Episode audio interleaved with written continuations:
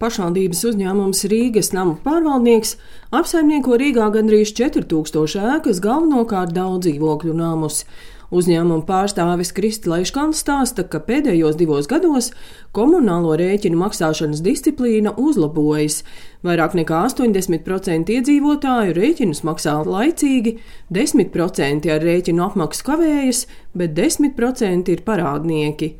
No 1. septembra uzņēmums saviem klientiem nepiemēros sodu par rēķinu samaksas kavējumu. Svarīgi ir tas, ka šis lēmums ir sinhrons gan ar Rīgas ūdeni, gan ar Rīgas siltumu. Tā ir būtiska daļa no kopējā šī rēķina.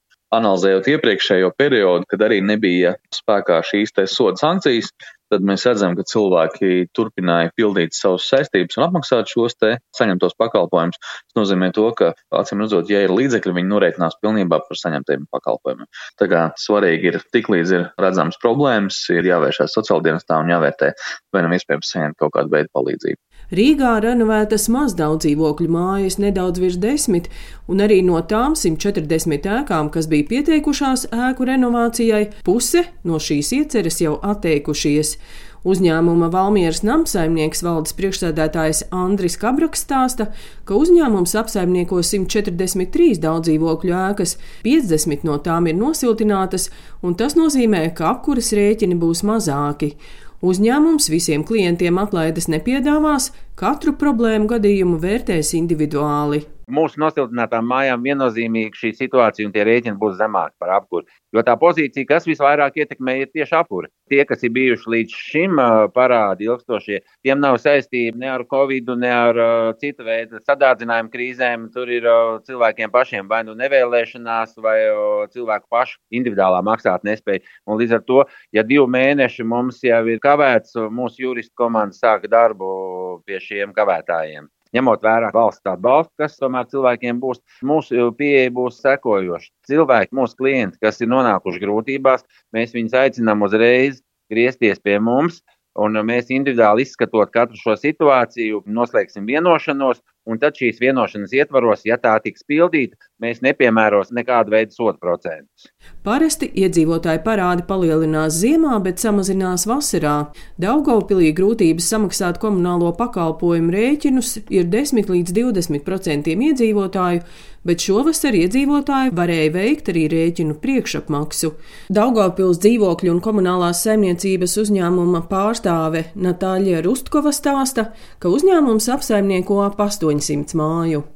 Nu, protams, mēs domājam, ka parādi pieaugs vēl eh, sakarā ar apkuras sezonas sakumu uz 20% eh, noteikti.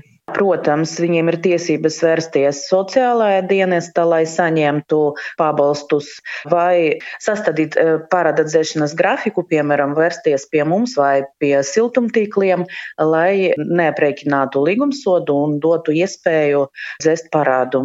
Latvijas siltumu uzņēmumu asociācijas valdes loceklis Valdis Vītoliņš stāsta, ka pandēmijas laikā iedzīvotāju parādi siltumu uzņēmumiem nav palielinājušies, bet tagad ir divi būtiski būtiski riska faktori - tas, ka daļa uzņēmumu var pārtraukt vai ierobežot darbību, un augstās energoresursu cenas bet valdības šonadēļ pieņemtais lēmums par papildus līdzekļu piešķiršanu centralizētās siltumapgādes atbalstam situāciju noteikti uzlabos. Mēs esam veikuši tādu kā nelielu statistiku. Ja, piemēram, tas tarifs, ko cilvēks saņem rēķinā, viņš redz, ka tarifs ir 150 eiro par megawatu stundu. Tad, nu, apmēram vienistabas dzīvokļa rēķins, apkure un karstais ūdens janvāra mēnesī, nu, tad, kad mēs pieņemam, ka ir diezgan vēss, tad viņa cena varētu būt kaut kur 200-230 eiro par apkuri un karsto ūdeni. Ja jūs ņemtu četru stabu dzīvokli, tad cena varētu būt jau 400, 430 kaut kur eiro.